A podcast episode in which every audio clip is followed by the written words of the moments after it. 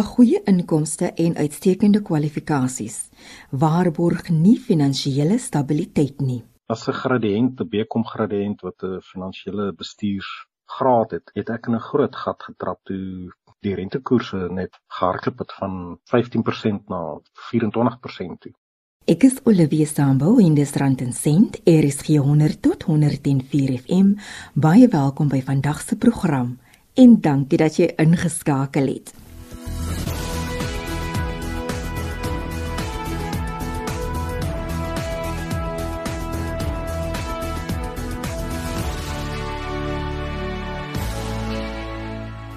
Baie mense glo as hulle meer geld verdien of daardie verhoging kry, of beter kwalifikasies kry, sal hulle finansiële probleme opgelos word. Maar jou kwalifikasies of jou inkomste gaan nie verseker dat jy spaar nie.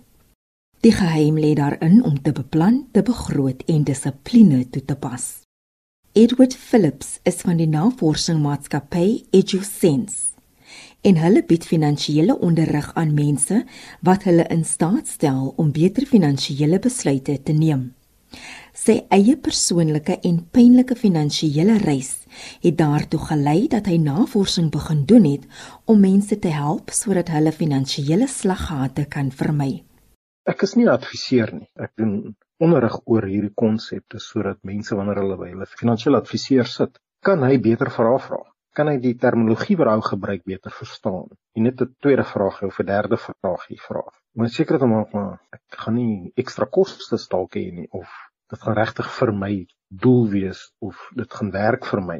Ek het baie harde lesse geleer, so baie van dit wat ek probeer inbou het op my finansiële onderrig platform is juis uit persoonlike ervaring ook. As 'n gradiënt, 'n BCom gradiënt wat 'n finansiële bestuursgraad het, het ek in 'n groot gat getrap toe die rentekoerse net gehardloop het van 15% na 24% toe. En ons was letterlik insolvent geweest om uit skuld uit te kom en daai skuldrehabilitasie deur te gaan is, is omtrent 'n 10 jaar proses want jy moet vir 5 jaar skoon skuld hê. So dit het my about 5 jaar gevat om die skuld af te betaal wat ek gehad het. En dan nog 'n 5 jaar daarna moet jy geen skuld of geen slegte debietorders hê ensovoorts nie voordat jy heeltemal gerehabiliteer is. Dit is 'n baie lang proses en dit is verskriklik baie dissipline geverg om basies sekere goederes te doen by jou begroting te hou, skuld af te betaal en dan soos wat 'n mens dan nou uit dit uitgekom het, begin te bespaar, jy weet sodat 'n mens weer in daai soortgelyke prosesse is nie.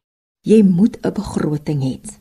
Dis jou finansiële plan oor hoe jy jou geld gaan spandeer, hoeveel jy gaan spaar en hoe jy jou skuld gaan betaal. Begroting in self klink na 'n verskriklike simpel woord. Die land het 'n begroting die maatskappy vir wie jy werk het 'n begroting. Hoekom het ons as as huishoudings nie begrotings nie of as 'n persoon jy kry ook net sakgeld? Ons moet ons kinders help om te leer wat 'n begroting is en hoe om daarna te kyk en met dit te werk. Deur net vir hulle dalk sakgeld te gee. En daaruit begin die konsep te bou dat jy het 'n inkomste en jy moet dink oor wat jy gaan spandeer. Dis dit ietsie wat jy regtig nodig het jy nou maar net hierdie maand ietsie want jy weet volgende maand kry jy weer geld. Jy sal dan 'n nuwe besluit dan maak. As jy iets anders ter wil koop of nie wil koop nie, dan maak jy nou maar besluite op daai daai vlak. Dit gaan regtig rondom net om 'n plan te hê van wat gaan ek doen met my geld? Vir al se mense in 'n bevoordeelde scenario is waar jy weet volgende maand kom dieselfde bedrag weer in. Daar's baie mense wat nie eens in daai voorreg is nie. En selfs mense wat wat op 'n grant lewe, jy weet as jy 'n grant kry van die staat af, dit is 'n maandelikse inkomste. So of jy nou dink jy's arm of nie, jy kry 'n maandelikse inkomste. Mense moet beplan. En op daai manier weet jy wat jy met daai geld gaan maak of jy handel dryf uit daai geld uit. Ek het al mense gesien wat in die gemeenskap letterlik van maand tot maand op grond leef, maar ek het hulle gogo gesien wat haar geldjie vat en sy koop af voorraad aan en sy vir 3 dubbel haar maandelikse old age pension en ek dink daar was 'n child grant sy het na een van die kleinkinders gekyk. So sy het letterlik haar maandelikse 1300 rand gevat en dit vir 3 dubbel deur haar spaza shop. Maar sy het geweet elke maand kan sy die 1300 rand gebruik, gaan sy dit ontvang en sy kan weer voorraad koop ensovoorts. Maar sy het 'n plan gehad. So begroting is jou beplanning vir wat jy met jou geld gaan maak en seker maak jy spandeer dit nie op goederes wat nie nodig is nie. If you don't plan, you plan to go nowhere. Ek wil sê ou gesegde, maar dis die waarheid. As jy nie jou lewe beplan nie, gaan 'n lewe net gebeur. En dan wonder wonder mens baie keer maar hoekom is ek in hierdie scenario? Maar wat het jy beplan? Jy beplan om hier te wees of nie? Of as daar nie 'n plan was nie, dit is hoekom dit gebeur. 'n Begroting is ook nie 'n lat waarmee jy jouself moet slaan nie en jy moet dit nie as 'n straf beskou nie. As 'n mens gaan kyk net na die konstruksie van 'n begroting, sal jy gaan kyk na wat is daai essensiële behoeftes. Ons moet almal eet. Maar jy kan dalk miskien ook kos koop wat onbekostigbaar is. So selfs binne in jou essensiële goederes moet 'n mens ook gaan kyk na wat is bekostigbaarheid en 'n mens kan 'n kosbegroting hê van sê R1000 'n maand. Maar as jy net pizzas wil eet, gaan R1000 jou net vir 10 dae vat want 'n pizza kos al R100. Wat gaan jy die ander 20 dae eet? Mense kan selfs binne in jou essensiële behoeftes moet 'n mens ook gaan kyk na wat is bekostigbaar. Mense sal baie keer vir my sê ja, maar nou mag ek nie meer drink nie. Ek sê nee, begroot net. Begroot wat jy gaan drink As dit is wat jy wil doen, begroot net. Moenie gaan sê ek gaan 2 biere drink en dan eindig jy op op 24 biere en die hele maand se begroting vir drank gebruik op een een aand nie. En dan gaan delge mense in ander behoeftes of ander prioriteite se se geld om te bly drink. So dit gaan nie oor wat jy mag en nie mag doen nie. Dit gaan oor hou binne jou perke want dit is wat jy kan bekostig. Dis soms skokkend hoeveel geld ons onnodig op kos spandeer, veral as ons sonder 'n inkopieslys winkels toe gaan. Dit mag dalk klink na 'n klein dingetjie, maar dit kan dalk een van die paadjies wees wat na jou finansiële ondergang mag lei. So baie keer sal mense winkels toe gaan sonder 'n inkopieslys. En veral as die kinders saam is, dan word daar gesmeek vir 'n chippie en 'n sweetie en goeders. Maar as 'n deel is van die begroting kan mense kommunikeer en sê ek gaan 'n pak sweets koop, maar daar's een pak sweets vir die week. Daar's een pak sweets vir die maand of wat dit ook al mag wees. Maar dit moet op jou inkopieslys wees. En baie keer en baie mense sukkel om jou kosgeld se be begroting regtig in toom te hou. So mense kan nog steeds gaan begroot vir jou kommunikasie. Met kommunikasie is so belangrik vandag dat dit 'n noodsaaklikheid is, jy weet omdat baie meer mense van die huis af werk en sovoorts of op deeltydse werk is en jy moet in kommunikasie bly vir wanneer is my skedule of wanneer is ek oproep of wat ook al. So kommunikasie, vervoer, kos, verblyf, daai is sulke noodsaaklikhede. Jy kan ook jou data, as jy begin game speel en jou data loop, dan gaan jy nie meer kommunikasie hê nie. So jy moet seker maak dat jou kommunikasie, dit waarvoor jy begroot het, jy dit oppas en dit gebruik word vir dit wat dit is kos is dieselfde. Jy kan so maklik oorspandeer op kos. En dan waar gaan 'n mens die geld vandaan kry? So dan gaan kyk jy na, maar wat moet ek skuld? Waar is my debietorderspalk miskien vir die motor wat jy het? Jy het 'n finansieringspakket wat jy moet afbetaal. Daai debietorder is af. Jy kan nie van daai geld gaan haal nie. Jy dalk miskien 'n bietjie skuld wat jy sê 2, 300 rand of 1000 rand 'n maand afbetaal en dan esklik moet jy nou net R800 betaal. Hulle gaan vir jou bel en sê jy moes my R1000 betaal het. Hoe nou? En dan gaan jy nog maak nog skuld om 'n plesiertjie te gaan finansier en dit word net 'n groter gat. Ek weet elke pottel begin met 'n baie klein gaatjie. Soos wat dit nou maar net oor tyd wegval, dan word dit net groter en dit gebeur met finansies ook. Mense raak nie insolvent oornag nie. Dit gebeur baie stadig en dan iewes skielik is daar net ietsie te groot wat gebeur en dan is jy insolvent. Maar dit het nie oornag gebeur nie. Dit het oor 'n tydperk gebeur. En dit gaan ook dieselfde so met om ordentlike finansiële bates op te bou. Dit gebeur nie oornag nie. So hier en daar staan gelukkie en ou kan die markte lees en goeders en jy koop 'n aandeel en iewes skielik gebeur dit dat in 3-4 maande die hele mark so geskuif en ietsie het verskriklik opgetel. Jy moet daai geld ook dan op daai stadium of daai aandeel verkoop om eintlik te baat by daai opbrengs. Wat doen jy dan met daai geld? Hoe belê jy dit dan weer? Maar dit gebeur oor tydperk. Dit kan jare vat. Dit gebeur nie net sommer oornag nie. Op daai positiewe en negatiewe vlak, dit vat tyd om sekere goederes reg te kry, om skuld af te betaal en, en om 'n finansiële bate op te bou. Dit vat tyd.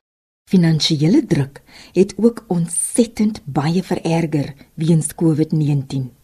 Gewoonlik het mense gesê ja, jy moet ten minste 'n noodfonds hê vir min of meer 3 maande. COVID het bewys 3 maande is nie genoeg nie. Jy moet kyk na 6, 9 maande selfs om te sê al my uitgawes wat ek het en wil hê. En dis weer 'n besluit, né?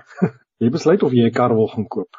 En as jy jou werk verloor, moet jy 'n besluit maak om die kar verkoop en ontslaa raak van hierdie maandelikse bedrag wat ek nie moontlik kan bekostig nie. Selfs al het jy genoeg fondse in jou in 'n noodfonds bespaar om vir 6 maande dit te kan doen, gaan dit die beste besluit wees om net aan te hou by ietsie wat dalk moontlik nie gaan uitwerk nie. Maak 'n nuwe besluit. Gaan kyk na jou plan.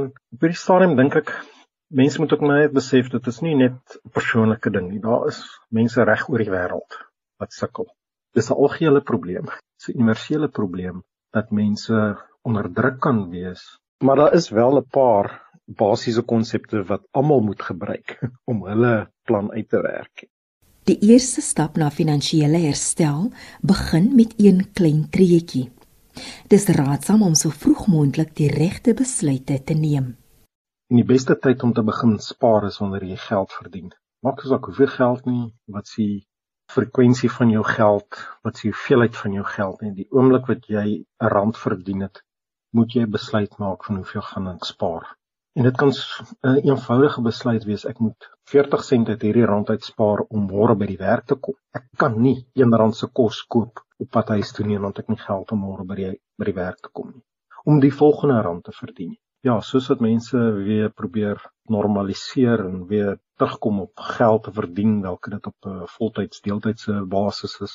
Jy moet 'n begroting hê. Jy moet ernstig kan weet presies hoeveel skuld het jy, wat is jou noodsaaklikheid, hoe kan ek by my skuld verbykom en jy moet 'n noodfonds begunstig daarna. En 'n noodfonds is gewoonlik goeder soos 'n uh, markgeldbelegging by die bank wat jy binne 'n dag basies kan opvra. Die geld is dadelik beskikbaar, maar dit verdien goeie rente. Dit verdien nie net 1% in 'n gewone spaarrekening of 'n transaksierekening nie. Jy moet daai geld uitskuif na 'n markgeldbelegging toe of jy moet begin indekseenhede beleggings koop. Dit word gewoonlik so binne 2-3 dae het jy daai fondse beskikbaar. Maar ten minste is daar 'n beter opbrengs op daai geld en dit sit nie net in 'n gewone spaarrekening. Ek dink mense moet net besef dat hulle moet jy begin beplan. Trek jou budget op en begin met die volgende R10. So gesels Edward Phillips van EduSense. Entrepreneurskap word sterk aangemoedig in Suid-Afrika en ook in verskeie ander dele van die wêreld. Dit word ook op sosiale media uitgebeeld as die perfekte leefstyl waar jy net 'n idee moet hê en die geld sal outomaties instroom. Willem Gous is van die Human Entrepreneur in Johannesburg. Hy is van mening dat die onrealistiese prentjie wat geskep word en die leë beloftes wat aan entrepreneurs gemaak word tot hulle ondergang kan lei. Die entrepreneurskap wat mense daaroor praat daar buite is die grootste leuen wat aan mense verkoop is. Want dit werk nie. Entrepreneurskap werk nie. Die politici en almal sê jy jy, jy gaan armoede ontsnap en jy jy gaan al hierdie dinge en jy gaan vrye kry en geld en wat die ouens jou nie sê nie is dat entrepreneurskap doen een ding en een ding alleen en dit is dit kyk na die behoeftes van die kliënt. Nie na die entrepreneur nie. Kyk na die lewe, die werksomstandighede en die finansiële stabiliteit van 'n tipiese entrepreneur en jy sien dit wat beloof is was nooit aan hulle gegee nie. Op 'n vlak sal ek sê ons huidige benadering tot entrepreneurskap verwoes die entrepreneur. En wat ons hierso by the human entrepreneur doen, is ek sê sonder die kliënt gaan die besigheid nie hardloop nie. Sonder jou, die entrepreneur, die besigheidseienaar, sal hierdie ding nie bestaan nie. So ons moet begin by jou. Jy is die saad van sukses. En as ons by jou begin, dis waar ons dan begin met 'n besigheid bou. En om 'n besigheid te bou, dit is moeiliker om uit die bed uit te val as dit is om 'n besigheid te begin. En wat ek bedoel daarmee, as jy 'n pakkie knickknacks het, al wat jy hoef te doen is jy moet 'n hongermens gaan soek. Dis al. En wat ek gesien het met al hierdie programme wat hulle aanbied, dis irrelevant tot Afrika. Dit het geen konteks tot Afrika nie. Hierdie ouens kom kom ons vat jou deur design thinking. Nou sit 'n ou in 'n in 'n squatterkamp like en wat doen dit vir my? Niks. En dis hoekom ons in ons program kry ons mense, ek het hierdie week weer gehad. Die vrou het gegaan, sy het 'n patetiese besigheidjie begin en gremering verkoop. Kom ek dit pateties noem? Haar energie was, "Hallo, ek verkoop gremering." Ek sê, like, "Nee, dit werk nie, suster. Wat hou jy van handsakke?" Mooi. Kom sy terug, Die volgende dag het sy die handsak besigheid begin en sy het R1000 gemaak. R1000 se profit dag 1. Dis wat ons daar doen. Besighede wat naby mekaar geleë is en dieselfde dienste bied of produkte lewer, kan steeds floreer en dis nie nodig om teen mekaar te wedywer vir kliënte nie. Almal dink entrepreneurskap jy moet hierdie uniekheid wees. Jy moet uitstaan. Hoeveel loodgieters is daar in Johannesburg? Duisende. Daar's besighede wat werk rondom jou. En moenie dink, ja maar ek gaan anders wees. Ek gaan dieselfde wees. Dit gaan nie werk nie. Ek sê altyd vir mense in my klas, nê, kom die manne begin, nê, 'n kleuterskool en die vrouens begin 'n kleuterskool. Die mans sin obviously 10 uur gaan dit weet. Vier oudjies wees, 10:30 hoe mense te gooi, 11 uur hoe hardloop ons met 'n skerp. En die vrouens gaan anders wees. Ons kan langs mekaar wees. Ons gaan nie eens kompetisie vir mekaar wees nie. Want jy Olivia, jy wat die besigheid begin. Dis jy wat daai kultuur en die energie rondom die besigheid skep. So jy begin daai besigheid en jy gaan jou kliënte kry net soos ek my kliënte kry en party ouens sê vir my Willem ek haat wat jy doen ek dink wat jy doen is sleg en sê baie dankie. Jy's nie my kliënt nie want jy wil ouens 6 tot 12 maande in 'n program hou en hom honger en arm hou vir watter rede? En ek is moeg daarvoor. Verander jou denkwyse en begin te fokus op dit wat jy het en wat jy kan bied. Ek wil vir jou 'n ander perspektief gee daaroor nommer 1 wat ek agtergekom het, ons het nou al meer as 2000 mense deur die eerste deel van die program gevat. En meeste mense probeer 'n toekoms bou met bakstene wat nie bestaan nie. Ek het nie dit nie, ek het dit nodig en dit is nie daar nie en ek weet dit nie. Ag, asseblief, kan ons ophou met dit. Bou met die bakstene wat jy het. Kyk daarna. En mense kyk nie daarna nie. En en dit is 'n groot probleem. Dan kom ander ouens, ja maar Dis kyk hoe leef ons op mekaar. Kyk die armoede. Sê ek nee. Kyk ander perspektief. Kyk hoe naby is jou kliënte aan jou. Jy hoef nie baie ver te loop om mense te kry om aan te verkoop nie. En dit gaan oor 'n ander perspektief te kry. Weereens, kyk wat jy het. Ons het so baie rondom ons. Verlede week het 'n vrou 'n nuwe besigheid begin. Sy was werkloos nou, ek dink langer as 6 maande en sy wil koekies bak en skons bak en die tipe van goede. Sê ek het jy oond? Nee. OK, wie het een? My tannie. Cool. So sy gaan na haar tannie toe, bak goed daar, begin die besigheid. Maar wat sal meeste mense sê? Ek het befondsing vir 'n oond nodig. Nee, het nie. Bel iemand, tel 'n telefoon op. Jy weet vra die ou langs jou. Jy weet ek betaal jou 'n koekies. Dis waar jy begin. Geen van die besighede wat ons begin, het befondsing nodig nie. Niks. Zero, zip, nada. Ons sê altyd jy mag nie die F woord in my klas gebruik nie. Funding. Jy moet 'n plan maak. Ek onthou die een ou is in die eerste groep gewees waar ons 50 mense van Diepsloot gevat het en hulle moes 'n besigheid in 21 dae bou om hulle salaris te vervang. En die eerste dag wat hierdie ou begin het, hy stuur vir my boodskap 8:00 die aand. Hy sê ek het 14 kliënte gekry vandag.